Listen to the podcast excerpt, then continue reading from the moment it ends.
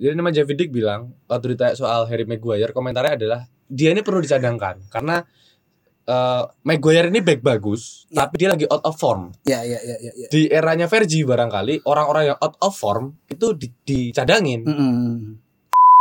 Ya ya ya ya ini mulai mulai pelan-pelan kita apa namanya kita brandingkan podcast ini sebagai podcast yang mengusung problema-problema yang ada di sekitar kita Yoi. sebelum nantinya kita healing gitu kan, Yoi. ke konten sepak bola. Jadi kontemplasi aja dulu kita omongin apa semua yang ada.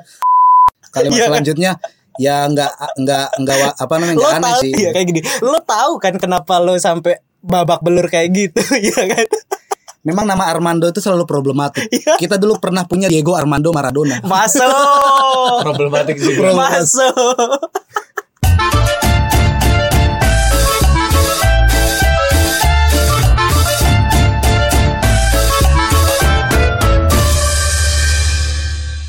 Oke, selamat datang kembali di podcast Oragol episode ke-37 karena sepak bola bukan hanya tentang gol, masih bersama kita tiga orang orang problematik ini.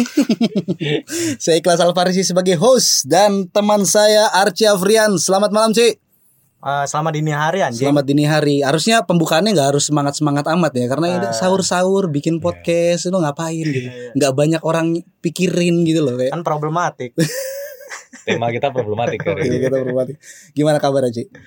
Eh sehat, alhamdulillah. Hmm, cukuran baru nih cukuran nih. Baru dong. Bagi yang denger ya kalau ada juga gitu. Ya Archie ini sedang mengeksperimenkan dirinya sendiri. mengeksplor lebih Mengeksplor dirinya Nah, sendiri dengan mengotak-atik rambutnya gitu kan. Yang sebenarnya cukurannya nggak sesuai dengan dengan karakter rambutnya ya, jatuh, halus gitu kan, tapi Sesuai dong. dicukur seperti Jeffrey Nicole yang belum make up. Jadi potongan tuh potonganku tuh mulet karena terinspirasi Jeffrey Nicole di film Jakarta versus Everybody. Emang nonton berarti. Nonton dong. emang kamu sering mengeksperimenkan itu ya kayak misalkan wah ini keren nih lewat-lewat tayangan Ah. entertainment gitu ya. Habis nonton apa Habis nonton gitu, apa, pingin. keren gitu. Eh, iya iya. Ya nggak salah. Ya, ya, ya nggak nggak salah gitu. Yang Aku salah. mikir kayaknya kalau kamu tergila-gila sama One Piece, kamu nyari buah iblis. Nyewa kapal. Iya iya iya. iya. Walaupun kemarin ada ada ada ada celetukan tuh. Apa tuh? Ya jangan ini bahaya nggak sih? Apa? Nabi Adam tuh pemakan buah iblis bukan? karena Jangan dilanjutin. bahaya nanti itu juga bakal dipotong oleh saya. Paris Dan- versus Everybody. Teman saya satu lagi yang datang jauh-jauh dari utara, Rehan Majid. Halo guys, let's. Perjalanan jauh ya, Ush, lumayan lah, ngukur dalan, ngukur jalan ya. ngukur dalan. Pergi Iya. jauh nggak? Gofar. Problematik nggak? Yo iya. Problematik banget. Ya ya ya ya ini mulai mulai pelan-pelan kita apa namanya kita brandingkan podcast ini sebagai podcast yang mengusung problema-problema yang ada di sekitar kita Yoi. sebelum nantinya kita healing gitu kan, Yoi. ke konten sepak bola.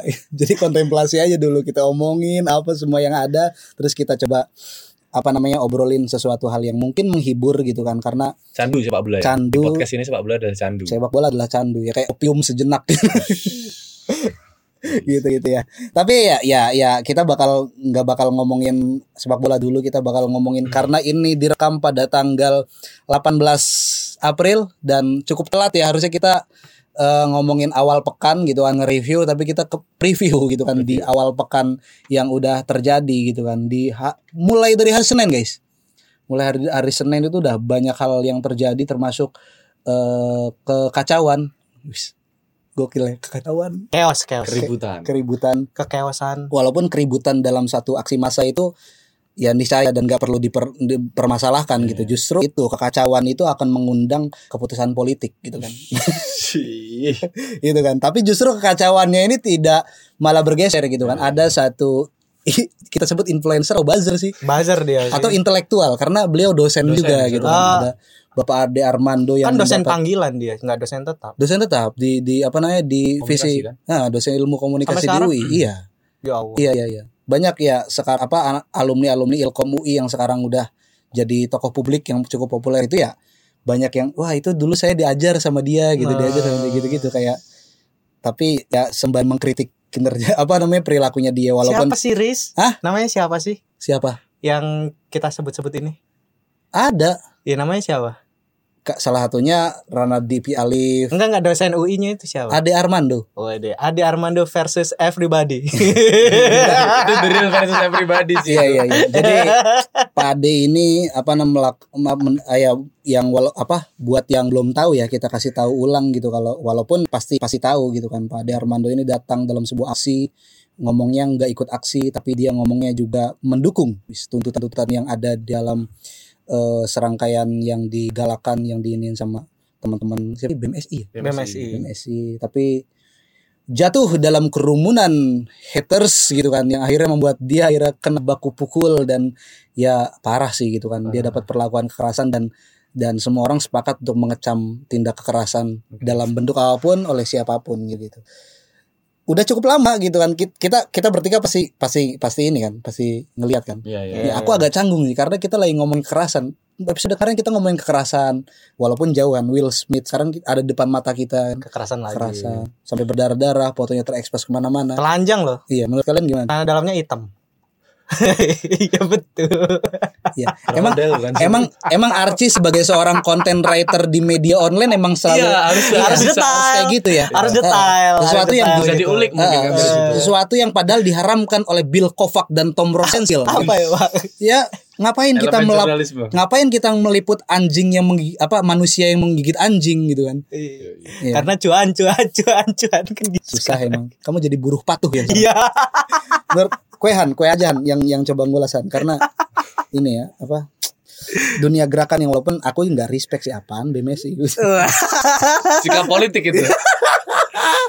Pian, pian. Jadi gimana ya kalau kasus kemarin pemukulan Ade Armando tak pikir oke kita kita meletakkan apa namanya nilai-nilai pasifisme ya di sini ya. Kita nggak nggak nggak mau kekerasan ya ya ya. kita mau yang damai-damai aja Iya. dan apalagi ini kan ke satu orang yang dikeroyok gitu ya. Iya iya tapi terlepas dari semua itu ini aku nggak pro kekerasan ya cuman aku melihatnya kok aku malah nggak kaget gitu loh terjadi hal seperti ini bahkan harusnya eh kalaupun ada pemukulan ini lebih awal pun aku nggak kaget karena di Mm-mm. situasi yang serba sulit ini tidak semua orang punya privilege untuk kamu menyampaikan keresahannya iya iya ya iya. BEM itu teman-teman mahasiswa barangkali dia punya punya serangkaian privilege yang menuntun dia untuk punya pola pikir menyusun rencana kerja dan terbentuklah aksi dengan Ya, berbagai macam tuntutan Mm-mm. yang mungkin tuntutan itu bagian dari keresahan dan kemarahan mereka makanya Ya, dia ya, ya. seperti itu iya iya iya iya. tapi ada juga ternyata segerombolan orang-orang yang nggak punya kemampuan untuk bisa mengumpulkan orang, mengkonsolidasikan orang, menyusun apa namanya serangkaian tuntutan. Mungkin mereka nggak bisa seperti itu. Yang mereka tahu ini musuh bersamanya Hmm. siapa, problematik kue ini yang nyebelin siapa, dia dicari dan mungkin yang bisa lakukan ya dipukulin. Iya, iya, iya. iya. Jadi siapa tahu terlepas dari itu adalah kekerasan, itu juga ekspresi barangkali. Ya, itu ya. ekspresi politik mungkin, Mm-mm. itu mungkin ekspresi kejengahan. Iya. Karena dan ini dari nah, nah, iya. dan ini terjadi di Jakarta ya dan aku menangkap ya ternyata Jakarta itu nggak cuman ada isu mental illness yang ada tapi mental kerumunan Sama mental sok berani. Waduh, Ade Armando kan sok berani banget. Gim- gimana menurutmu Eh, ini sebenarnya aku ngeliat karena apa ya kayak kayak simul simulakra ya apa pun apa pun kejadian kayak tontonan gitu loh. Ya ya jadi kayak kejadian problematik anda. Kayak nih kejadian eh tunggu dulu. Karena kita karena kita ini podcast jam satu anjing ya emang. Problematik. iya emang. Problematik emang. ngantuk-ngantuk gimana ya nyender itu lah lah kan? Ah, kembali kembali. Eh sok berani. Jadi aku kadang ngeliat ini settingan malahan karena dia kan dianggap pro pemerintah Ya. iya kan? Hmm. dianggap pro pemerintah dan dia masuk ke lubang yang saat itu itu kontra pemerintah semua. Entah Oke. itu beberapa elemen dari BMSI dari eh yang lainnya mungkin Alumni kayak Monas, gitu nah ya. kayak gitu. Dan kenapa dia masuk itu itu pertanyaanku aja. Oke sebagai warga yang ingin bersuara juga gitu. Tapi ya lu terlalu jauh Iya gitu sih. itu Hmm. itu Ngapain ya coba? benar-benar sih. Aku sepakat dengan beberapa hal ya barangkali kayak itu kayak nggak ada perhitungan juga sama Hmm. Andi Armando. atau itu malah udah diperhitungkan agar apa Jadi, namanya keperui gitu. Eh, agar eh, ini loh apa namanya Iya, sepakat sepakat. tuntutan itu tuntutan itu terbenam oleh terbenam oleh oleh kasus dia atau apa yang misal kalau nggak ada kasus pemukulan ya tapi apa yang diomong omongin sama Ade Armando gitu Hmm. karena Ade Armando itu dia bilang gini statementnya sebelum dipukulin ya Eh, saya mendukung eh, mahasiswa untuk menolak peri- tiga periode dari Jokowi. Tetapi setelah itu dia ngomong, tapi kan mahasiswa ini juga banyak perpecahan. Dia bilang gitu loh. Iya, katanya BMSI BMSI, pecah ya. eh, katanya BMSI pecah loh. Ya kayak dia tuh kayak Iya. ngelempar ngelempar Iya. itu loh. Langsung BEM Terkesan Nusantara. iya. Ah. BEM Nusantara pecah loh. Nah, Eh BMSI, BMSI. MSI juga Nusantara juga dia bilang kayak gitu. Heeh. Nusantara pecah juga loh gitu. Makanya saya itu kadang agak agak apa namanya?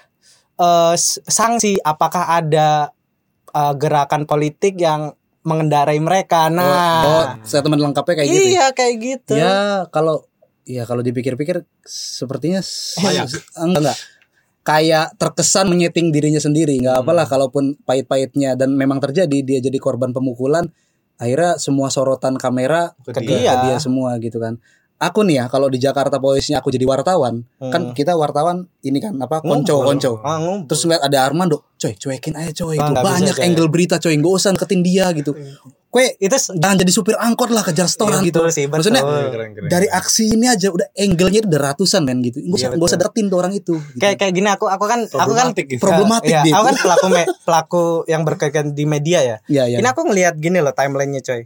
Jam 6 sampai jam 1 Iya, itu iya. ngomongin ini loh, tuntutan. Mm-mm. Lalu alasan kenapa Jam 6 jam 6 pagi sampai jam 1 siang itu ngomongin masih tuntutan yang Hmm. dibawa BMSI. Hmm. Langsung alasan tuntutan itu oh Iya, iya. kayak kelangkaan minyak goreng lalu tiba-tiba naiknya minyak goreng dan lain sebagainya. Mm-mm. Lalu tip isu tiga periode kayak gitu.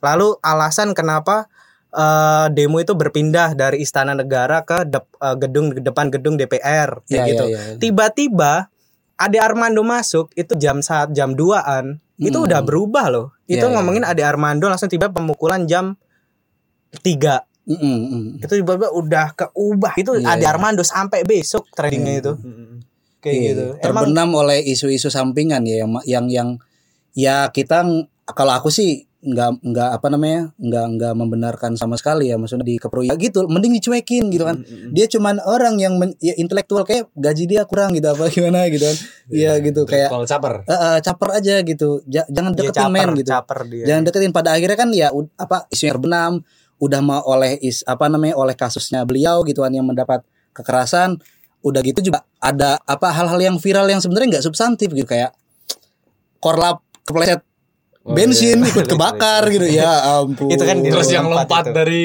pagar langsung ding. Iya, gitu. Mario itu. ting ting ting ting ting ya tapi ampun. tapi kan kayak aku kenapa tadi bilang settingan itu tiba-tiba kayak gini loh eh cepet banget misal setelah ada Armando pemukulan itu tiba-tiba ada doxing kayak misal tersangka yang memukul ada Armando ada Iya. enam itu tiba-tiba Iya, iya, iya. alamat nama Oh, foto data pribadi itu, itu, ya. Coy. doxing coy itu Gokil. juga nggak bisa nggak bisa Iya, kita iya, iya, iya. Dan itu ada Itu loh. beberapa yang salah salah tangkap loh. Maksudnya salah dia diposting dan ternyata dia nggak terlibat, dia nggak di Jakarta nah waktu itu. Iya, iya, iya, kan iya. maksudnya maksudnya itu kayak kayak kayak Bayangin loh, kayak misi intelijen gak sih kayak Waduh. gitu iya gak sih Ya, aku aku iya ngerasa sih. loh Iya, kayak kayak iya, iya. tiba-tiba kok cepet banget ini tapi tapi alur alur dan dan settingannya cukup menurutku cukup sederhana ya kayak kayak dia datang gitu kan orang-orang bakal dia sebagai kontroversial men Langsung pasti di- bakal emang langsung disorot, dikerumunin loh, emang bakal dikerumunin dikerumunin oleh wartawan. ya oleh wartawan gitu sama kan. ibu-ibu dari komunitas Hmm. pengajian mungkin. Aku gatel coy kalau kalau itu terjadi di ini nih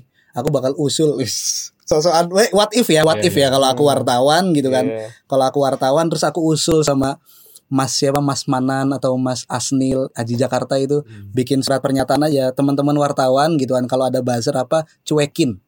Langsung lu eh langsung esensi kita Iya. meliput bukan itu. La- tapi lu langsung diginiin des. Emang lu yang gaji gua ya kan himbau ya himbauan aja setelah Iya. itu sikap masing-masing terserah gitu dan, dan kan itu bagus ya menurutku. Maksudnya gini, dari obrolan kita seputar Ade Armando ini aja ya, kita bisa menangkap beberapa hal yang menarik. Pertama, eh, kalau kerumunan itu erat dengan keruh ya. ya betul Di mana gitu betul betul gitu sih? Iya, ya kerumunan, keruh. kerumunan Jadi apalagi ini kerumunan yang tidak terpimpin, tidak terdidik, ya itu sporadis sekali, cair, Ya, cair dan- cair cair. Dia- kerumunan yang mana ya, yang mukulin Ade Armando itu, itu malahan terorganisir loh itu ada grup WA-nya dia ya ya ya ya, oke maksudnya bukan bukan bukan seperti itu Ci maksudku. Tapi di lapangan maksudnya itu, itu kan masuk dalam apa masuk dalam satu kesatuan aksi yang Iya, yang iya. mereka kayak masuk nyusup ya, penyusup nyusup.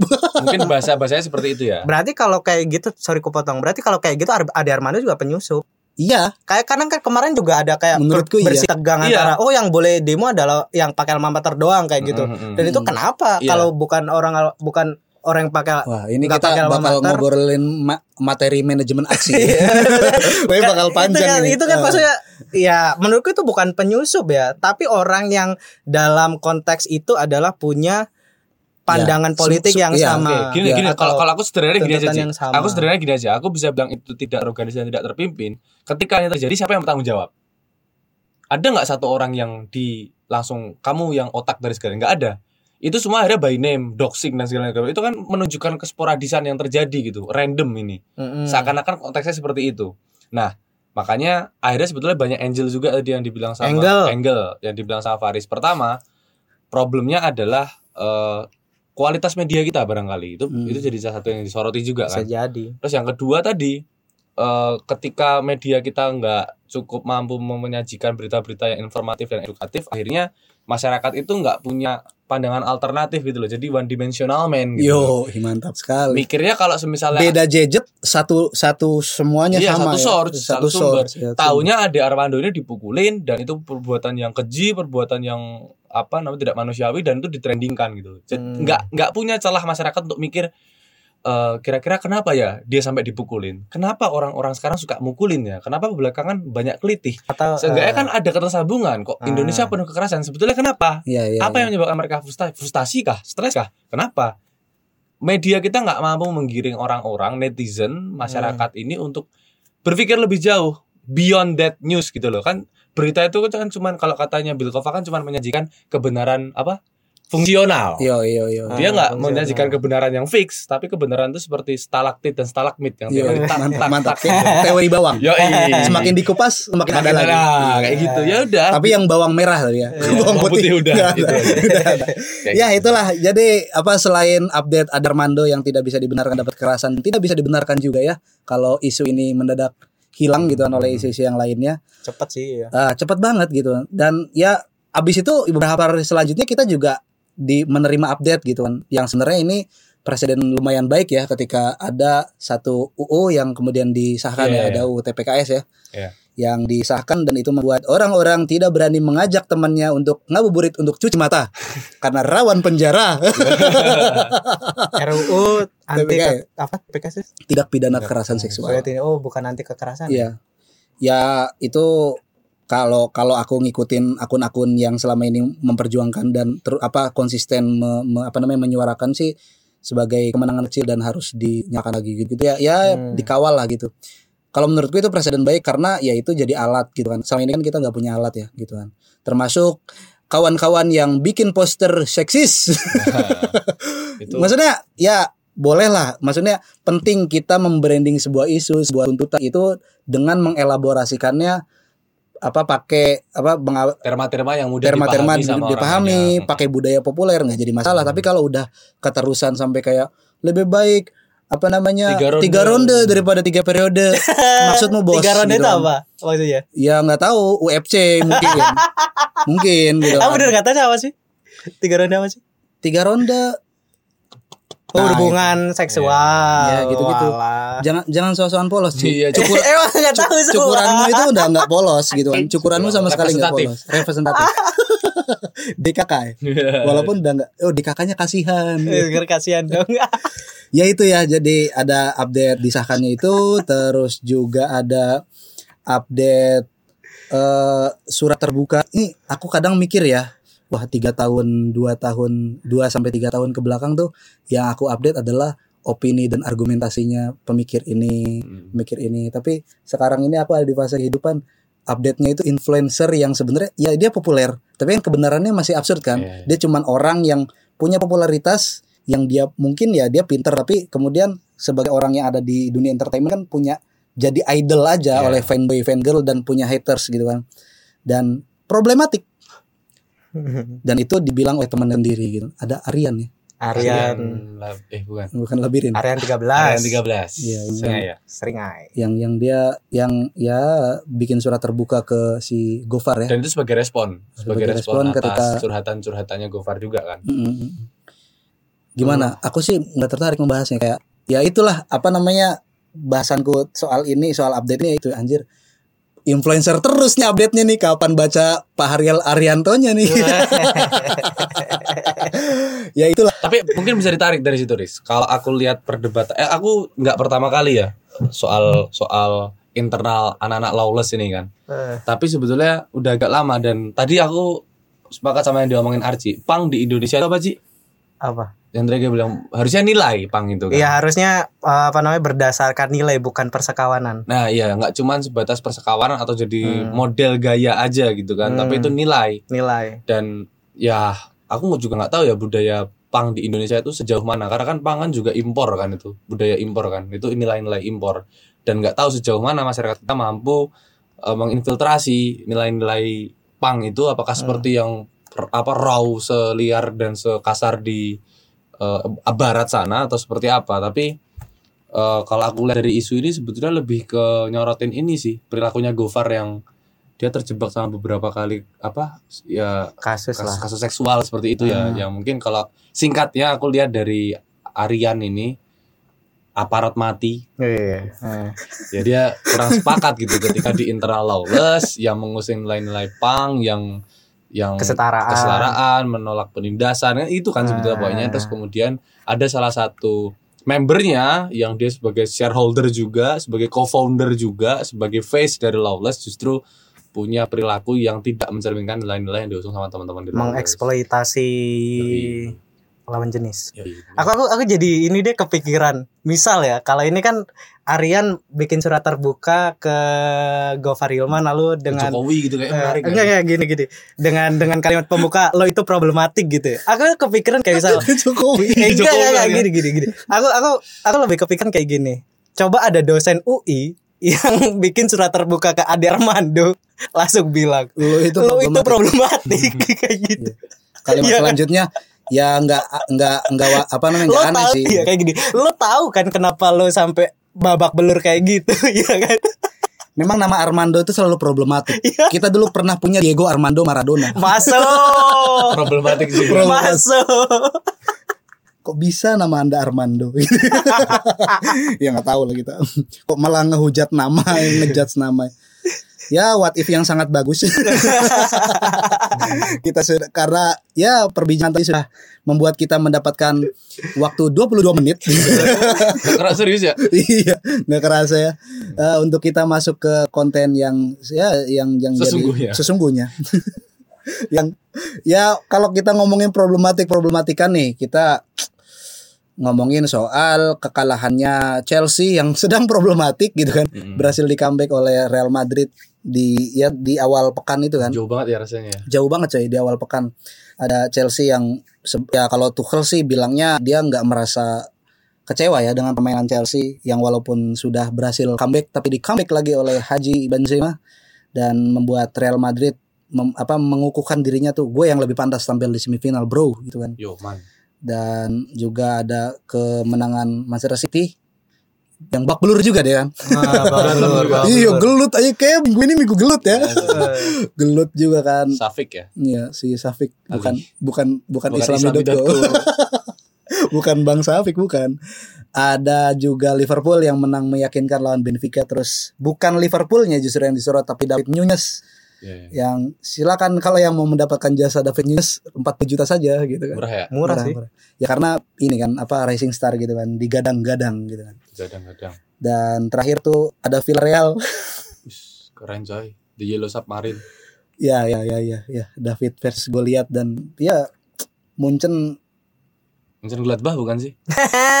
Maksudnya, maksudnya kalau Bayern Munchen kok bisa kalah? Iya. Siapa tahu Munchen Gladbach. terlalu meremehkan Nah, ada Munchen dan West Ham di Europa League berhasil masuk ke semifinal juga. surat, ter- dan- surat terbuka eh, supporter Bayern Munchen kepada Nagelsmann. Lo itu problematik anjing. udah, udah, udah, udah. Enggak, enggak. Problemnya problemnya Nagelsmann dia kurang jam terbang aja di kancah Eropa. Dia ngeremehin Villarreal loh. Iya satu gitu kan. Eh, Iya, disangkanya Villarreal tuh kuningnya tidak jahat apa gimana. Kuningnya dikira kuning ngambang. Ternyata lumayan juga gitu. Iya iya iya. iya. Ada West Ham menarik tuh. West Ham, West Ham semifinal, terus ya Leicester juga kan Leicester. di Oh, tapi Conference League, Conference ya, di League, Conference League dan Barcelona yang Oh, di- Barcelona. Tunggu, Ya, tunggu, ya, tunggu ya. deh, tunggu deh. Kita sebelum bahas Europa League karena mungkin nggak terlalu exposure tinggi, Conference League nih. Conference League kan sisa 4 nih. ya ya ya ya. AS Roma, Heeh, Marseille, Marseille, terus kemudian Siapa? Feyenoord, Feyenoord Feyenoord. dan West Ham United. West Ham Europa League dong. West Ham Europa. Eh Europa, oh, sorry sorry sorry. Satu lagi apa gitu? Oh, aduh lupa. AZ Akmar. Bukan. Intinya eh menarik itu kalau di Conference League sebetulnya oh sama Leicester City. Ya Leicester. Sama Leicester City. Yang menariknya itu eh eh, apa empat besar musim ini itu salah satunya bakal jadi pemenang pertama gelaran Hmm. Conference League yang bakal monumental selamanya akan Gila, nggak menarik sih anjing. Nah, iya, Ya, makanya karena konversi kan emang yang Iya, pertama makanya tahun karena, ini. Karena, karena karena aku udah bilang gak menarik kita taruh di pertama. Iya, Oke, oke. Siapa dari empat Oke. ini yang akan jadi pertama kali dan gimana sih rasanya nanti bagi Iya. buat mereka? Ya, biasa kan? aja anjing. Biasa aja. Yang Menarik. yang enggak yang enggak biasa justru kita lebih senang ngebahas yang problematik. ya. Iya. Oke, oke. Yang problematik apa nih? Manajemennya Barcelona yang memberikan tiket 30.000 ribu kepada fans Kok manajemennya sih? Ya ya panpelnya, panpelnya ya. Sosiosnya ya. Ya panpel kan Panpel, turunnya kan panpel. panpel kan yang ngomongin tiketing apa segala macam kan. panpel. 30.000 ribu tiket diberikan untuk fans apa fans away Etra Frankfurt ini. Ini kayaknya lobby lobbynya Mazda Frankfurt ya kak. Iya. Jurgen Habermas. Dan itu dan itu terisi penuh tuh. enggak. Dia ya, ya jadi 30.000. hampir hampir seluruh stadion tuh warnanya putih gitu. Mantap. Tapi yang aku ta- putih. yang, yang aku tahu justru pemegang tiket musimannya Barcelona Iya, iya. itu mereka nggak datang ke Camp Nou karena Easter Day ya, Easter ya, Mm-mm. Paskah. Terus Mm. mereka jual lagi gitu. Ya ya ya itu juga gitu. Iya kan? Heeh, Iya Sekaligus panpelnya menyediakan banyak gitu ya. menyediakan sebenarnya. banyak gitu Malah dan itu kesempatan gitu kan kesempatan. Invasi gitu, blitzkrieg gitu. Blitzkrieg. Iya itu problematik. Problematik banget sih ya.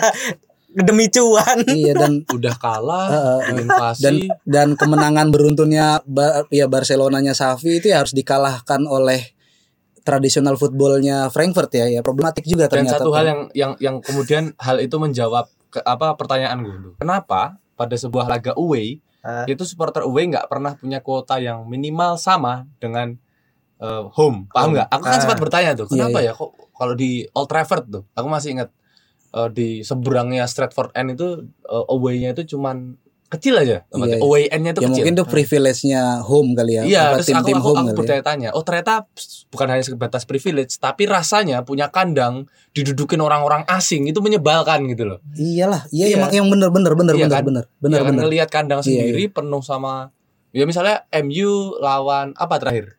Eh, Atalanta Ah, gitu. atau atau gini dah, besok di Liv- Liverpool di stadion mana? Di Anfield. Oh coba kalau misal di Old Trafford ternyata yang berkumandang adalah You'll Never Walk Alone gitu kan? Nah, Iya benar, kan? benar. Iya, iya benar, kan? benar, benar. Walk on, walk on, Iya. walk on. Iya, benar. Ya, akhirnya aku Anjing. akhirnya aku klik tuh. Oh, ternyata bukan hanya perkara eh, apa namanya? eh, ini ini rumah jadi harus banyak lebih banyak tuan rumah. Ternyata bukan Hmm. hanya hal itu, tapi melihat rumah kita diduduki oleh banyak orang asing itu nyebelin aja gitu. Hmm. Iya iya Ya iya. kan? Aku bayangin jadi fans Barcelona itu anjing lihat away end-nya itu bisa full putih Iya semua iya kan iya. aneh. kan? Ada ya fans Barcelona yang tetap nonton itu jadi kayak kontras kayak dia ke tim Iya, iya kayak dia fans away iya, gitu. heeh. Di antara putih-putih Iya, iya, yang iya. sedang bersorak dia Iya. cuman megangin janggut gitu. Ini temen gue pada ke mana?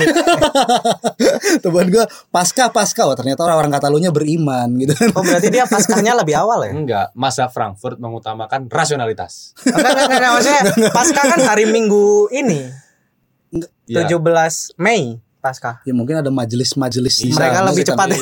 Oh iya. tahu. Ada Muhammadiyah. majelis-majelis Muhammadiyah Pakai pakai gitu. hisap ya mereka ya bukan pakai hilal ya. Mungkin bisa jadi gitu kan. Nah, ya gitulah. Ya, ya hal ini akhirnya membuat fix Barcelona puasa gelar ya musim ini gitu kan. Tidak ada yang berhasil didapat gitu kan. Cie MU Barcelona Hanya idealisme salaman. yang idealisme yang didapat karena bagiku ya menjebalkan gitu kan. Apa saat-saat menyebalkannya sebagai seorang fans Barcelona adalah ketika kamu tertinggal tapi kamu harus tetap mem- apa mem- memperagakan permainan 1 2 ba- main dari belakang. Ketinggalan 3-0 padahal posisi udah menit Tetap ke-70. gitu ya? Iya dan ketika diwawancara ya kami adalah Barcelona kata Xavi. Iya. Tugas kami berat gitu kan. Kami harus bermain baik dan menang gitu kan. Menang tok tapi nggak bermain baik ya kami bakal kami bakal menanggalkan apa namanya identitas kami itulah identitas kami gitu kan. Iya, wah Iya. idealis Makanya banget, Cuk. ya iya makanya itu saat-saat menyebal nggak tahu ya bagi itu mungkin bakal jadi suatu hal yang permisif dimaafkan oleh fans lokal sana. Oke. Tapi bagi orang timur jauh yang kayak aku nonton pengen itu ya idealitas Barcelona main cantik dan menang gitu kan. Kalaupun gak main cantik setidaknya menang lah gitu kan. Iya. Karena ini tinggal satu-satunya harapan nih dapat gelar gitu. Dan oase ya. Dan Hiburan. hiburan bener bener hiburan gitu kan. Da, tapi Safi nggak apa me- menolak hal itu gitu ya. Tugas kami memang berat. Kami adalah Barcelona. Kami harus bermain bagus dan menang. Kalau Itunya ya Coy ya. Ya, ya soalnya pas zamannya Valverde dia kan tiap tahun juara juara juara juara Copa del Rey selalu juara Liga Inggris apa Liga Spanyol juara Tapi mainnya jelek. tapi mainnya kata kalau coach Justin mainnya mental Barcelona saat itu mental Bilbao gitu gitu Anjing.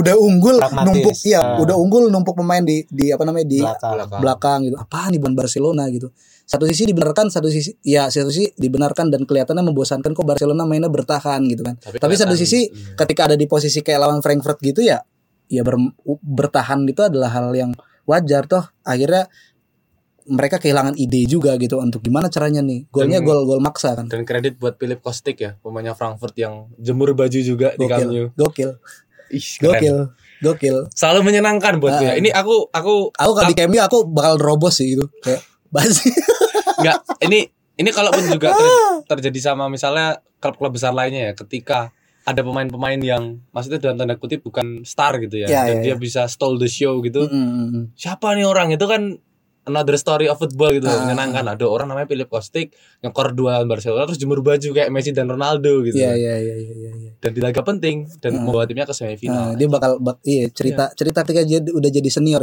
Aku dulu gitu gitu kan. Jadi kakek-kakek. ya gitulah Barcelona akhirnya kalah dan kekalahan juga dialami oleh Arsenal, Mm. Spurs, Ya, Arsenal kalah 1-0, Spurs juga kalah 1-0 lawan Heeh, Brighton. Iya iya Dan- iya dan Manchester City ya di beda kompetisi di Piala FA Iya. Yang akhirnya membuat Liverpool berpeluang meraih empat titel ya. Mm-mm. Piala, Yoi. Li- Piala Liga udah diraih, Carabao Cup itu, terus Piala FA dia nangkep di final, terus Liga Champions di semifinal dan berpeluang juga untuk menyalip Manchester City yang sedang bingung garuk-garuk mulu aku ngeliat tuh Pep Guardiola gimana caranya ini gimana caranya ini lagi nguasain bola tiba-tiba diserobot Sadio Mane Zack Steven. iya agak sulit ya cuman nggak tahu nih kayaknya M apa namanya orang-orang akhirnya mem- apa namanya memprediksi MU kayaknya bakal main di Liga Champion kayaknya bak berhasil nerobos gitu kan Kayaknya ini settingan deh. waduh settingan Masa lagi masa Tottenham Arsenal kalah 1-0, Karena MU MU kemarin udah kalah. 3-2 MU gitu. udah kalah kemarin settingannya gitu. MU duluan Iya. kalah di Nah. caci maki sekarang MU yang menang. Ah. Arteta yang problematik Spurs yang memang ya klub itu diciptakan untuk jadi problematiknya Liga Inggris mungkin ya mungkin ya dan juga MU yang aku payah. eh, aku aku tuh apa tadi di awal ngobrol sama apa namanya sama Rehan Han ini si kapten ka- kalian nih kok nggak bisa dicalangin walaupun sekali gitu Iya, kan soalnya ketika problematik. walaupun akhirnya MU berhasil menang ya dengan apa namanya ya lagi-lagi Ronaldo yang jadi Iya. pembeda gitu kan di lapangan tapi dia menciptakan problem-problem yang lainnya gitu kan. Kemarin lawan kalah lawan Ever- Everton gitu kan. Kena badannya. Matic hand dia ngaku Iya, gitu kan cepu kan. Eh. handshit handshit wah itu temen lu sendiri. Iya, langsung gol juga kena badannya kan. karena badannya juga kan. Terus pas ini dia mungkin pengen militan gitu kan dengan klubnya ya. menunjukkan bahwa dia kapten dan dia juga punya kompetensi mencetak gol dari titik mati lewat sendulannya tapi bukan kepalanya yang terangkat tapi kakinya yang Kakinya. terangkat mengenai pelipis Paul Pogba Paul Pogba akhirnya ngamuk gitu kan Sanco. behan behan menurut Mohan problematiknya Harry Maguire ini Ya terlepas ya lagi-lagi ya akhirnya tiga poin MU ini harus tertutupi dengan kebodohannya. Ya nggak nggak kebodohan sih, ya itu insidental ya. Itu bukan kemauan dia juga kan nendang kepala Pogba, cuman ya tapi berulang gitu berulang, Berulang, dia, dia kayak keledai gitu loh Iya, Iya, itu, itu itu kayak itu kayak yang nggak ada pattern tau gak sih? Iya ya itu Pola. itu itu yang kayak dibilang sama Nemanja Vidic. Jadi Nemanja Vidic bilang waktu ditanya soal Harry Maguire komentarnya adalah dia ini perlu dicadangkan karena eh, Maguire ini back bagus Ya. tapi dia lagi out of form. ya ya ya ya, ya. Di eranya Fergie barangkali orang-orang yang out of form itu di- dicadangin. Mm-mm. Tujuannya dua, dia harus menunjukkan kemampuannya waktu latihan atau Mm, kedua mm, yaitu sebagai punishment. Kalau kita letakkan mereka sebagai pekerja ketika apa namanya performanya nggak baik pasti ada punishment dong. Ya, Barangkali ya, ya. punishment main sepak bola yang paling menyakitkan ya jadi pengangkat bangku cadangan. Mm-mm. Jadi ya mungkin Maguire tuh sudah harus waktunya dicadangkan, Mm. tapi ya MU sebetulnya nggak punya pilihan untuk dua center back gitu. Eh, Eric Bailey. Eric Bailly ba- belum belum selesai cederanya. Oh belum ya? Rafael Varane cedera. Oh iya cedera juga. Phil Jones baru kelar cedera dan masih rentan. Lindelof juga kemarin cedera. Oke. Yang cuman fit bener-bener fit secara bugar tuh ya Maguire. Maguire. Harry Beyond this. Maguire. Harry Maguire. Iya, iya. Tapi kayaknya Ronaldo harus bikin surat terbuka buat dari Maguire deh. Sorry bro, lu tuh kapten. Tapi yang lebih ngerti MU di sini gue. Dan dan lo itu problematik. Dan itu sih kalau aku lebih kalau nyorotin Maguire minimal ketika dia tetap dimainkan dengan posisi seperti ini cabut ban kaptennya kalau aku. vice kaptennya apa sih? Bruno, Bruno ya? Bruno. Iya, Bruno Fernandes. Covered lah. Vice-nya itu Bruno, Mata, Mata. Pogba, Hmm. Ronaldo itu Vice. Oh, vice. Oke, kirain Ronaldo nggak punya jabatan apa-apa tapi dia bisa intervensi ke mana-mana. Wih, Seperti iya. yang terjadi di sana enggak. Bercanda, bercanda, bercanda. Bercanda, bercanda, bercanda. Bercanda ya. Gak mau bahas-bahas itu ngeri lah. Hei anak muda. Bisa apa kalian? Tidak berhak menuntut saya Anda. itu ya. Big Terus data, big data. Waduh. Saya mah fokus sama Big Mom. Sanji kasihan Sanji itu. itu ya. Terus ada Alessandro Garnacho yang apa pemain muda Argentina yang dipanggil oleh timnas dan dia problema problematik gak nih? Dia posting wah kebanggaan dia bisa bermain dengan apa namanya Ronaldo terus di ini nih di apa namanya ditanggapi sama Aguero, wis atlet e-sport kita. Itu loh. Itu Kayak, loh. Kamu, kamu belum pernah main sama pemain bagus yang lainnya gitu, sama god yang lain gitu kan. Terus dia posting lagi kan, pernah kok, yo. Iya. gimana, gimana? Dia dihujat sama median. Dia dia itu dihujat sama mayoritas orang-orang Argentina malahan karena kan Hmm, beberapa Oke, oke, oke. saat hampir di pekan yang sama dia dapat panggilan ke timnas Argentina dan dia Oke. satu lapangan eh satu lapangan satu tempat latihan sama Lionel Messi. Ya, ya, ya, ya. Kemudian nggak selang berapa lama dia punya kesempatan satu lapangan kali Hmm, ini sama. Ronaldo meskipun dia nggak main. Ya, ya. Tapi ya. ini adalah pertama kalinya dia dipanggil ke tim utama Hmm. kayak gitu. Lebih dulu Anthony Elanga dan Iya, teman-teman, iya, tapi iya. dia kemudian dipanggil. Nah terus karena Ronaldo hat trick, bola hat tricknya itu dikasih ke Garnacho Iya, iya. sama Ronaldo mungkin sebagai motivasi atau apa Hmm. dan diposting. Sesuatu yang nggak mau aku lakukan saat ini sih. Maksudnya aku ya aku bersyukur di sa- saat ini kehidupanku diberi akses untuk ketemu dengan orang-orang besar tapi ya posting posting itu nggak nggak perlu gitu loh. Hmm. Ya yang Kok tiba-tiba kenapa ke cerita Anda? Ya, Ini relate, relate, relate. Oh, begitu. Aku ketemu sama penulis besar, budayawan ini yang nggak perlu. Budayawan keren, pemikirannya ini, wah ini Foto sama- fotonya gitu, fotonya ini, wih, aman negara.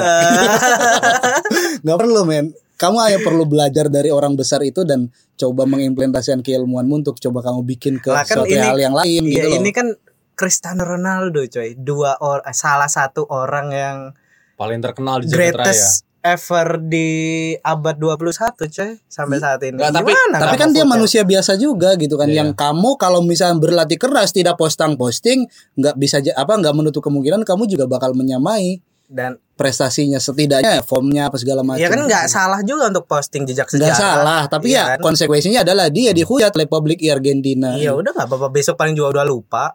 Ya, Iya oke, nggak apa-apa. ya kalau kalau dia nyekor main bagus di Piala Piala Dunia sama timnas Ya. Argentina dia bakal dipuja bukan dihujat sih. lagi. Tapi itu sih yang, yang menyebalkan tuh ya. Kadang eh, yang membuat aku nggak tahu ya ini benar atau enggak. Tapi sebetulnya Ronaldo dan Messi itu nggak pernah jadi dua hal yang dibandingkan gitu, Riz. Paham nggak sih? Maksudnya kalau aku lihat di permukaan ya sebagai orang awam, barangkali mereka sebetulnya nggak sebegitunya.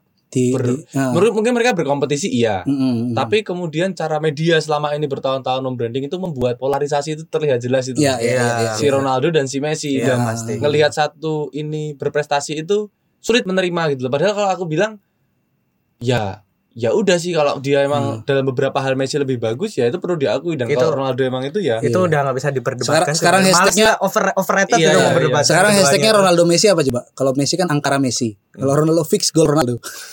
fix goal gitu kan. Kalau dia angkara Messi, angkara Messi, angkara Messi. oh iya iya tapi itu sih terakhir ya aku menyayangkan sikap seorang Aguero ya maksudnya Mm-mm. oke itu temannya Aguero teman akrab dari kecil cuman dia muncul ke publik ya ini tadi kan kita ngomongin dalam posisi sebagai kita orang biasa ketemu orang besar kita rasa Iya, posting iya. posting oke nggak mungkin barangkali itu betul tapi juga orang besar ketika masuk ke publik jangan terus kemudian dia gimana sih flexing bergaya terus kayak punya opini yang lebih keren dan ya Atau ini sih pos apa sih?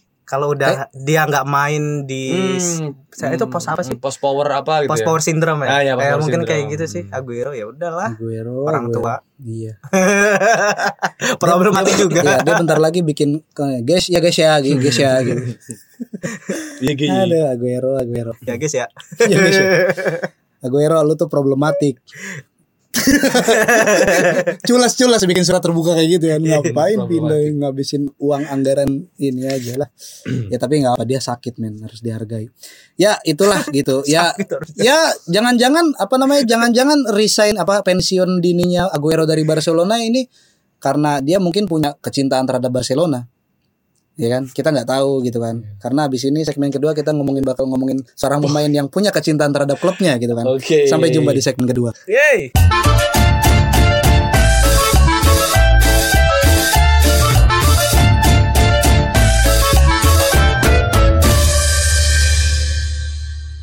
Oke, selamat datang kembali di segmen kedua podcast Oragol episode ke-37 ini direkam pada minggu ketiga bulan Ramadan.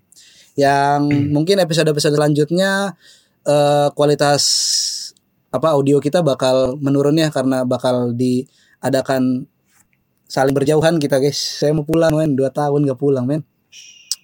Dan mulai nyari-nyari tempat baru gitu kan. Ini sudah semaju apa daerah saya gitu. Eh, Dia pulang gak sih? pulang lah. Pulang. Pulang ya. Eh, aku juga setahun kan nggak pulang aku. Kemarin pulang. Idul Fitri kan nggak pulang. Oh. Idul Fitri tahun lalu. Hmm. Tapi sebagai orang dewasa kita udah diperbolehkan menentukan sikap untuk pulang atau enggak. Ya, tapi tetap kalau ada istiadat itu pulang lah ya. Kalau kita yang orang Jawa ya, kalau kowe maksudnya ya ikutan Iya, iya, iya. keluarga gitu. Dibolehkan apa diperbolehkan enggak? Tahun ini aku nggak. Nggak. Nggak. Jadi aku punya planning habis lebaran aku mau pergi jauh. Go far. Wah, problematik ya lo. Iya mungkin. Biar gak problematik ya. oh, biar gak Biar, problematik. biar problemnya enggak enggak merugikan orang lain problematiknya. Jadi tanyain Eh. sama ibu kan. Pro problem pakai gigi bisa kan? Kan metik nggak pakai gigi. Hmm, enggak ke situ sih. Iya, ngemasuk anjing. Dibebasin jadi. Hmm, ya ya problem itu pasti ya dimiliki oleh semua manusia gitu kan. Tapi banyak juga orang-orang yang punya problem tapi terkesan memendam problemnya sendiri. Tapi ya karena mementingkan perjuangan yang sedang dia lalui gitu kan. Kayak Rehan mungkin ya kan. Waduh. Atau Itachi Waduh. atau tokoh yang mau kita bahas pada hari ini. Sebenarnya dia tuh ulang tahun pada 13 April ya kemarin tuh. Oh, 13 ini sama. April. Dan kita baru Tapi diundang bahas sih kalau kawannya dia? Udah kemarin aku ditraktir. Ditraktir. Ada seorang kape- kapten yang sangat melegenda di Barcelona, ada Charles Puyol yang pada hari ini ya genap nggak tahu aku umurnya berapa tapi yang kita mau soroti adalah perjalanan hidupnya gitu kan. Eh, Charles Puyol ini lahir pada 13 April tahun 1978, pemain ya back apa pemain di tahun 2000-an ya rata-rata kan lahirnya tahun 70-an ya kayak Iya. Nesta, Totti gitu-gitu kan. Maldini tapi enggak sih dia bisa udah main dari 90-an gitu. Iya, ngeri ya. Udah main dari 90-an. Dia tuh kayak siapa ya kalau di skena band atau siapa? Skena. Dia main di 90-an, 2000-an, 2010-an. 2010-an. Ahmad Dhani. Iya. Ya, dong. Farid RM. Farid RM RM. ya gitu-gitulah.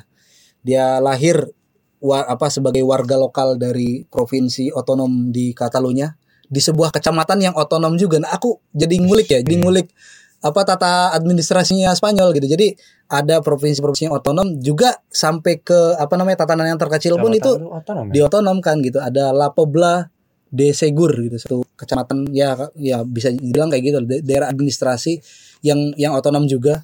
Itu kayaknya nggak tahu ya. Kayak panggung Harjo mungkin ya.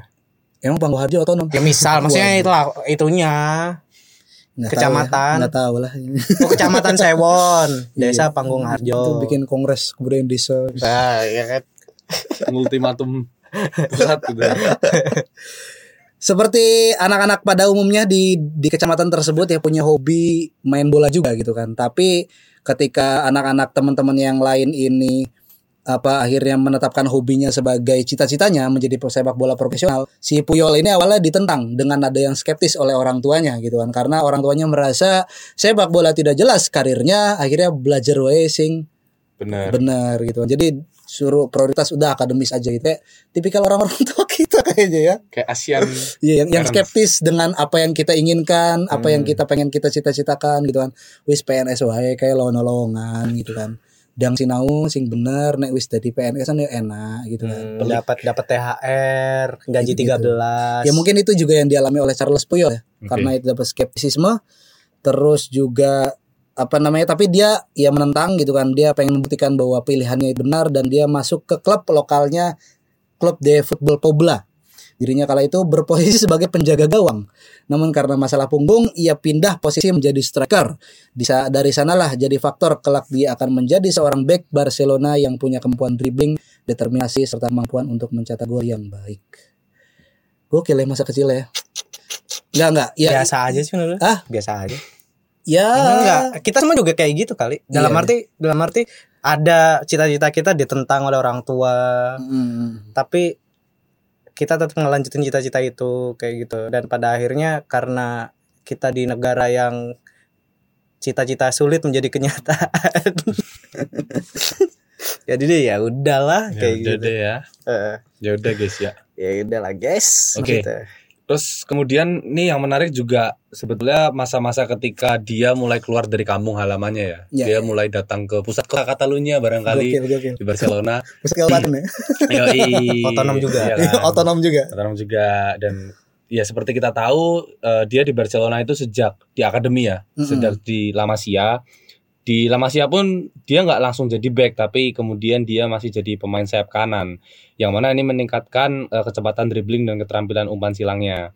Lalu habis itu dia juga bermain jadi gelandang setelah musim pertamanya bersama tim muda pada 1995 sampai 1996. Ya, nggak buruk-buruk amat ya. Eh, Waktu dia bermain sebagai gelandang dan sayap ini, dia memenangkan Piala Spanyol di kategori 5. Puyol bergabung dengan FC Barcelona C dan pada 1996-1997 menempati posisi kedua di Tercera División D4 di bawah Josep Maria Gonçalvo. Lalu kemudian musim-musim selanjutnya Puyol juga bersama Barcelona B uh, selalu mencetak gol dan kemudian atas apa ya mungkin peningkatan performanya ini dia diangkat ke tim B di tahun keduanya. Hmm, Dilihat oleh Luis Van Gaal waktu itu kan. Oh masih Panggal tuh ya? Iya, iya, iya. Oke terus kemudian eh apa namanya pada tahun 1997 ya kayak tadi gue bilang Riz ya Van Gaal jadi salah satu faktor penting ya dalam karirnya karir awalnya Puyol. Karena berkat dia eh, si Puyol ini bisa naik kasta gitu bisa naik eh, kelas gitu. Dan eh, dari situ di Segunda Division B dari 1997-98 dia dipromosikan ke D2 dan rekan setimnya saat itu ada Safi Hernandez Hmm. kayak gitu. Ada ada cerita menarik tuh kalau Hmm. kalau aku baca satu artikel bahasa Spanyol yang aku translatein. Jadi sebenarnya dia tuh pengen eh mengiyakan kata-kata orang tuanya gitu kayak wah Putus Aku- asa gitu. aku nggak punya bakat-bakat amat di Ya. sepak bola gitu. Si Puyol. Eh, kelebihanku cuma kerja keras gitu kayak. Soalnya ya waktu itu emang dibilang sebagai masa-masa kemasan La Masia ya hadir Safi apa segala macam Iniesta gitu kan. Tapi ketika teman sekampungnya si Safi eh teman seangkatannya bukan sekampung ya teman seangkatannya si Safi ini berhasil lebih dulu promosi di tim seniornya Barcelona Hmm. terus ya Safi juga apa memotivasi Puyol "Eh, Yol gitu kan Yol. pokoknya aku pengen membangun serangan Barcelona bola pertama passing pertama itu dari kowe. Piye carane? aku nanti sebagai gelandang tengah itu ya yang nanti ya aku mengkreasikan bola itu untuk final pass ke depan gitu. Tapi bola pertama harus dari kowe, dari kowe yo. Piye caranya? Wis tau, wis rasa dari gelandang dari kowe piye? So ngerti we keterima gitu, ketompo dan bener kan akhirnya dia Iya, iya. dipromosikan ke apa namanya ke uh, tim senior Barcelona di tahun 99 ya. Sebagai se- back ya? 9 ya, musim 1999 Hmm. dengan nomor punggung du- 32 sebagai back dan pertandingan pertamanya melawan Real Valladolid. Yo, mantap sekali. Jadi kayak semacam nggak tahu ya kalau klub-klub lain tuh. Jadi apa namanya Barcelona tuh ya bikin semacam seremonial terselubung gitu loh di tengah pertandingan Barcelona senior gitu kan Uh, untuk memperkenalkan secara resmi ini adalah adalah pemain debutan. Entah Oke. nanti masa depannya ke mana, yang penting dia diperkenalkan dulu gitu loh. selalu gitu ya Pak Barcelona Selalu tradisi gitu. itu ya. Iya tradisi gitu. Charles Puyol, ya Messi, Bola Iniesta lewat kayak gitu kayak gitu dan akhirnya kelihatan dibaca psikologisnya gitu si pemain ini dia sindrom star syndrome atau semakin termotivasi dengan diperlihatkannya ya gemerlapnya Kemu gitu loh. Gemerlapnya Kemu uh anjing. Gitu. dan dan banyak gitu kan orang-orang yang akhirnya wah ini nggak nggak bisa nih punya masa depan yang baik di Oh iya bisa Di dibaca tim- dari situ iya, juga sih mentalitasnya ya. Thiago Alcantara, Boyan Krkic, orang-orang yang ya dia orang La Masia punya papat talenta bagus tapi akhirnya nggak nggak bagus-bagus amat gitu lah untuk untuk bertahan di Barcelona senior. Gitulah Lalu di Carlos Puyol ini tapi ketika diperkenalkan di musim pertamanya dia jadi back ini ya, back full back ya Kanan. kanan bek kanan full back kanan kan, Mm-mm. belum jadi back kanan kayak Iya, gitu. iya. Kayak Sergio Ramos gitu lah ya. Hmm. Sergio Ramos dari Sevilla ke Real Madrid itu kan jadi full back kanan kayak Iya, gitu. Eh penampilannya menjadi lebih baik dan lebih teratur. Lalu pada musim 2000-2001 Puyol mengambil nomor 24 yang ia simpan selama dua musim. Lalu pada usianya 21 Oktober 2000 2000 di usianya yang baru 22 itu dia disuruh untuk man marking Luis Figo si pengkhianat atau si Judas Iskariot iya. dari orang Dari orang Katalan. orang apa terlalu menyorot kepala babi ya, yang dilempar ke Ah, Luis Figo. Padahal pada malam itu adalah momentumnya Puyol untuk Ah. membuktikan dirinya aku bisa nih punya tempat ab- apa punya tempat satu tempat ya satu Hmm, tempat di squad Barcelona. di skuad Barcelona dengan ya memaksimalkan tugasnya membayangi si pengkhianat Luis Figo ini. dan itu Fucking berhasil loh. Puta Figo. dan dan itu berhasil loh Dan ya itu berhasil ya yang membuat Ah, dia- Barcelona dia- menang ya. iya, karena menang Barcelona- 2-0 gitu kan Barcelona menang 2-0. Kayaknya emang kepala babi itu ini ya terdistorsi eh yang membuat distorsi Ya karena waktu itu kan Puyol Iya. siapa sih gitu pemain Eh, debutan. Padahal kalau nggak ada kepala babi kan tuntutan eh tuntutan apa puyol ya itu kan bisa naik ya, Bisa bisa, naik, kelihatan bisa gitu. Pengalihan isu ya. Iya pengalian isu emang kepala babi itu. kayak kayak Shaw berhasil mengantongi Muhammad Salah ya. Kayak Gitu, gitulah. Lalu musim 2002 2003 itu Carlos Puyol berhasil ngambil nomor 5. Nomor 5 itu dulu punya siapa ya? Nggak Tahu nggak? tahu aku. Enggak tahu, Bang. Nggak tahu aku. Punya Guardiola nggak sih? Nggak tahu aku. Enggak ya? Guardiola 4, Kayaknya nomor dia 4 tuh ya? Empat empat ya. Eh, Eh, Guardiola ya itulah. 4. Pokoknya setelah pensiunnya, pokoknya setelah pensiunnya Luis Enrique, tuh Puyol ber- akhirnya jadi jadi ini jadi jadi leader lah, jadi Hmm. leader gitu. kan. Kalau nomor 5 sebelumnya itu siapa aku nggak paham ya. Wah, kalau dia ada apa kuis trivia kalah nih dia. Ya nanti aku paham kalau aku udah mulai jadi sosios gitu. Lalu eh, pada tahun 2003 itu presiden saat presiden Barcelona saat itu Joan Joan Gaspart itu meminta meminta Carlos Puyol untuk mendatangi perpanjangan kontrak hingga 30 Juni 2007. Wow, itu panjang 4 tahun ya. Ya, Kontrak 4 tahun dan menjadikan Carlos Puyol menjadi pemain dengan bayaran terti- tertinggi di klub. Lalu nanti digeser sama Ronaldinho sama Thierry Henry. hmm. dan dia memainkan eh, hampir memainkan eh, semua ajang ya dia bermain di semua ajang gitu Ya, ya, ya. sampai setelah Luis Enrique pensiun dan kepergian Philip Cocu yang tadi disinggung oleh Faris terpilih dan si Carlos Puyol terpilih menjadi kapten pada tahun 2004 dengan vice kaptennya itu Xavi Hernandez kayak gitu Oke, bentar dulu. Han baca yang style of play an habis ini. Pahamin aja poinnya. Jadi kita nggak apa nggak usah terlalu kalimat per kalimat. Jadi baca dulu, oh dapat Hmm. poinnya baru nanti disampaikan itu aja. Style of play. Lanjutin. dan eh, beruntungnya Carlos Puyol ini menjadi generasi emas Barcelona dan generasi emas dari Spanyol Iya, iya, iya. iya. karena ketika Barcelona menang Liga Champions Mm, ngalahin Arsenal Ya. dia mengangkat Liga Champion pertama itu ya. iya, Hmm. Liga Champions kedua, pertama. kedua, kedua ya dia ngangkat trofi Mm-mm. lalu pada 2008 di era emas Pep Guardiola 2009 2008 2009 Iya, kan iya, sextuple Musim itu. sextuple dia juga siapa yang akan menyamai itu tidak ada. dia juga ngangkat trofi gitu. Lalu di Euro 2008 Spanyol, ya. eh di Euro 2008 tuh di mana? Swiss dan Swiss, Austria, bukan- Austria. ya? Iya, iya. Spanyol menang juga dia yang mengangkat. Trofi. Iya, Kasihlas dong. Oh ya Eh, kasih las Casillas ya, dong. karena face-nya Puyol ya. 2008 itu Austria sama Swiss dong. oh iya ya. Ngalahin Iya. Jerman 1-0 Fernando Torres. Heeh, di Bukan di, final. oh itu dari 2012 ya bukan di 2012 Ukraina. yang yang itu dia udah nggak ada di squad. Oh iya. Udah nggak ada di squad itu. Udah ada Pique Ramos kan. Heeh. Lalu itu kan juga ada eh itu di ini ya di apa namanya World Cup 2010 Ya, di yang World Cup 2010 yang kayak tahun-tahun di- sibuk mengangkat trofi Iya, si- anjay. si Gondrong ini kan. si Casillas juga Iya, tapi di Casillas. Spanyol Di di Spanyol. timnas Spanyol Spanyol, gitu ya. kan. Dan itu kan juga ada friksi antara pemain Real Madrid dan Ah, Barcelona di situ. Bahkan ada di tahun-tahun di antara itulah ada satu apa di satu pertandingan gitu kan pertandingan s- apa namanya Spanyol lawan klub mediocre Eropa lah apa gitu. Hmm. apa yang main starting line apa pemain Barcelona semua Nah, ya itu ya, jadi ya. kritik kan. Oh media Dikritik, media ah. dikritik. Oh, ini kok ini timnas Spanyol apa timnas Catalunya gitu kan. Eh, terus dibalas sama apa orang-orang Catalunya waktu itu. Ya kalau yang lagi hebat pemain-pemain Catalunya ya nggak apa-apa masuk timnas semua gitu. Bagus. Bagus. Dan saat itu emang lagi Emang apa namanya lagi lagi banter-banternya sih. ini ini ini, Saat ini itu. bisa bisa buat menjawab orang-orang yang ini Liga 1 ini Liga Liga 1 Indonesia apa Liga Jawa Eh. ya kalau lagi yang jago klub-klub Jawa ya tidak apa-apa ya kan kompetisi secara Iya. sehat gitu bebas kan. ya bebas siapa yang paling ini iya Terus kemudian sebetulnya yang menarik dari Carlos Puyol ini juga sebenarnya style of play-nya. Secara umum kalau kita bahas style of play-nya Carlos Puyol barangkali dia bukan back yang selengkap back-back penerusnya ya, seperti Ramos ataupun Pique ataupun back-back di negara-negara lainnya. iya iya iya Kita kita mungkin bisa kalau secara style of play dan technical mungkin itu masih bisa diadu. nah Tapi mungkin yang menonjol dari Pique dan banyak testimoni tentang di eh kok Pique, Puyol dan banyak testimoni tentang Puyol adalah soal determinasi dan komitmennya ketika dia bermain Kerja keras. kerja keras, dinamisitas dan dinamisitas ya kan. Makanya ini Gusmo ya.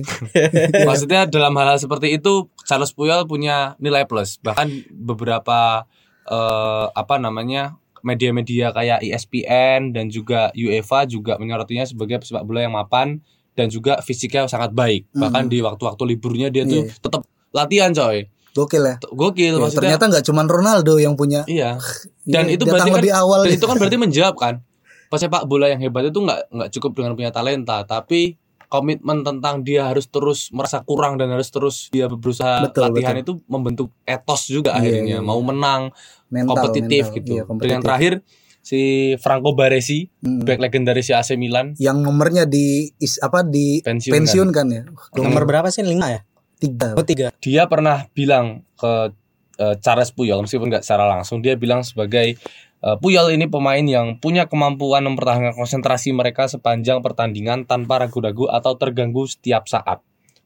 Bahkan itu terjadi pada situasi pertandingan yang intensitasnya cukup tinggi. Hmm. Makanya nggak heran ketika tadi Faris di off air bilang waktu Pique dilempar apa namanya korek Mm-mm. korek tuh langsung dilempar sama Puyol ke Iya, keluar iya. karena itu mendistract konsentrasi. Udah main aja gitu. Ya Iya, kan? Gak usah drama. udah udah udah. Udah fokus fokus fokus Iya, gitu fokus lagi. Terus Ah. waktu Ronaldinho berantem eh, mau mau mukul di- dijauhin. Ada yang mau mukul di, di Iya, udah iya. udah udah. Main main main main gitu. Mungkin ya asumsiku Puyol ini me, iya me- me- meyakini prinsip seberapa pun lu dicurangin sama wasit ada insiden, insiden non teknis kalau Hmm. lu main bagus you still win the game. Iya.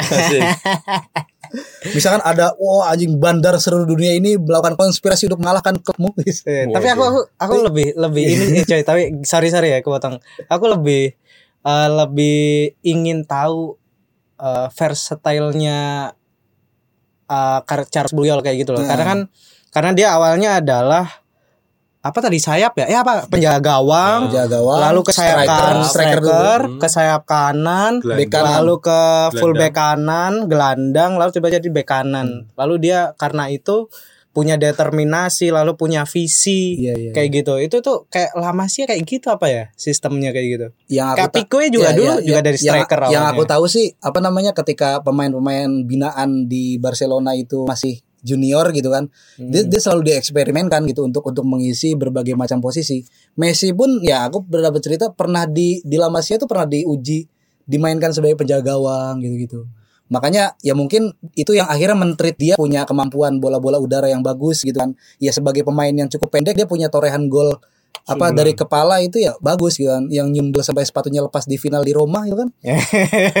Itu berkat dia di coba we jaga gawang. Aku kan pendek wes toh gitu kan we urung senior gitu dan kan mungkin itu salah satu cara La Masia untuk menemukan bakat-bakat terpendam barangkali bisa jadi. Atau, atau kayak misal itu eksplorasi Iya. dulu baru. Ah. kayak kayak kayak, kayak misal standar kayak gini kayak standar penjaga penjaga gawang aja itu kan harus tinggi tinggi ya? Iya, iya. Barcelona enggak loh Victor Valdes. Iya iya, iya. Pinto. Coba. Kayak nama minuman ya. Iya Hmm, kayak Frata. Pinto. Pinto malahan itu aku ngelihat eh, dia main kaki kaki dah. Kayak tangan itu nggak fungsi dia tuh Pinto ya kayak seniman Jawa Timur ya kayak Cak Sodik. Anjing ini malah nama. Ini rambutnya itu loh. Ya ma- ma- m- maksudku aku kangen Barca di saat itu. Sebenarnya ya kalau aku karena karena ngelihat ceritanya Carlos Puyol yang punya diskrim eh diskriminasi apa Determinasi. determinasi lalu eh, one man one club lalu dia versatile Hmm. lalu menutupi kekurangan dia kan nggak ada bener-bener teknis yang menonjol kan Iya iya. Kayak- privilege dia cuman kerja keras. Iya kan Dan kalaupun dia misalkan akhirnya fix sebagai posisi gelandang, dia bukan sebuah sekedar gelandang, tapi gelandang gelundung. Eh. kayak kayak ketika kita misal nyari di YouTube misal Charles Puyol gitu pasti dia itu cuman bagaimana cara dia nutup dengan dengan ya cara back biasa aja kayak kayak Marking. marking lalu nyeleding Ah, gitu. Kalau dibandingin sama ya archetype gitu secara secara tipologinya Ah. dia dengan back-back lain gak ada yang istimewa. ya gitu. kayak Van Dijk kayak gitu kan dia heading lalu dia punya persona yang gede banget kan ada videonya di YouTube kayak gitu ya. Lu nggak bisa ngelewatin ada apa ngelewatin Van Dijk malahan bisa sampai lu yang tersungkur gitu kan. Tapi kan Puyol badannya juga nggak terlalu tinggi nggak terlalu fisik juga enggak gitu. Nah, dia kalau dipotong pendek kayaknya cupu juga gitu. Apanya? Apa ya? Hah? apa yang Ya perawakannya gitu kan, Ah, pendek gitu kan, potong cepat gitu kan. Waduh, ini mah ya. gampang, ini mah dilewatin gitu kan. Kayak skuadnya apa skuadnya Liverpool pas sebelum Klopp itu loh rata-rata botak semua Iya, kayak mantan napi semua. Ager Skertel iya. Botak botak ya. Mama Dosaku. Iya dia dia ini apa namanya mema- mem- mempoles dirinya sebagai orang yang terkenal sangar gitu kan. padahal ketika diajak eh, tarung gelut di lapangan dia memilih untuk apa namanya menghindari pertarungan ya. Ya ini yang di- unik dari si Puyol menurutku. Non problematik ya ya entah justru ja- jangan ya tadi jangan-jangan dia problematik dengan dirinya sendiri. Gitu. oh gitu. Kayak misalkan apa ada orang yang cenderung kalau aku kan di di apa namanya di ruang publik cenderung menghindari permasalahan gitu loh. Kayak Eh, ya ruang publik gitu daripada kita gelut mending ada aku memilih menjadi seorang pengecut gitu. Kan biar masalah ini enggak be- apa Merembet. ya merembet panjang. Sama kayak Puyol gitu kan dia udah ditantang berkali-kali ada dalam situasi yang sebenarnya menguntungkan dia. Dia ada dalam posisi yang mungkin benar gitu kan kayak dia apa namanya mendapati Sergio Ramos salah gitu kan dia nginjakinya Messi terus dia hmm. ba- pas El Clasico itu kan terus dia coba menenangkan Sergio Ramos gitu dan diajak damai malah. Puyolnya ditampol gitu kan. tampol malah Sadar Ronaldo apa terus yang sama pemain-pemain lain gitu kan yang lagi punya masalah apa lagi punya masalah sama Ronaldinho dipisahin sama Ronaldinho. Tapi pemain musuhnya malah nampol juga gitu kan si Puyol. Ronaldinho pengen ngebela udah udah jangan coy jangan coy. Ini problem saya. Kayak Itachi aja. Memendam sendiri. Nah itu cinta masa macam apa itu Ci? Menurutmu Ci? Cinta obsesif ya menurut gue ya.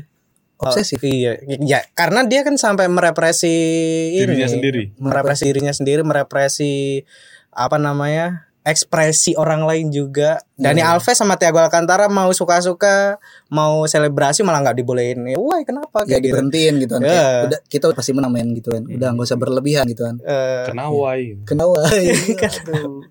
ya dan ya mem- memang lurus gitu orang orangnya gitu di luar lapangan pun gitu kan aku berusaha nyari apa nih masalah hukumnya Charles Puyol. Tidak ada.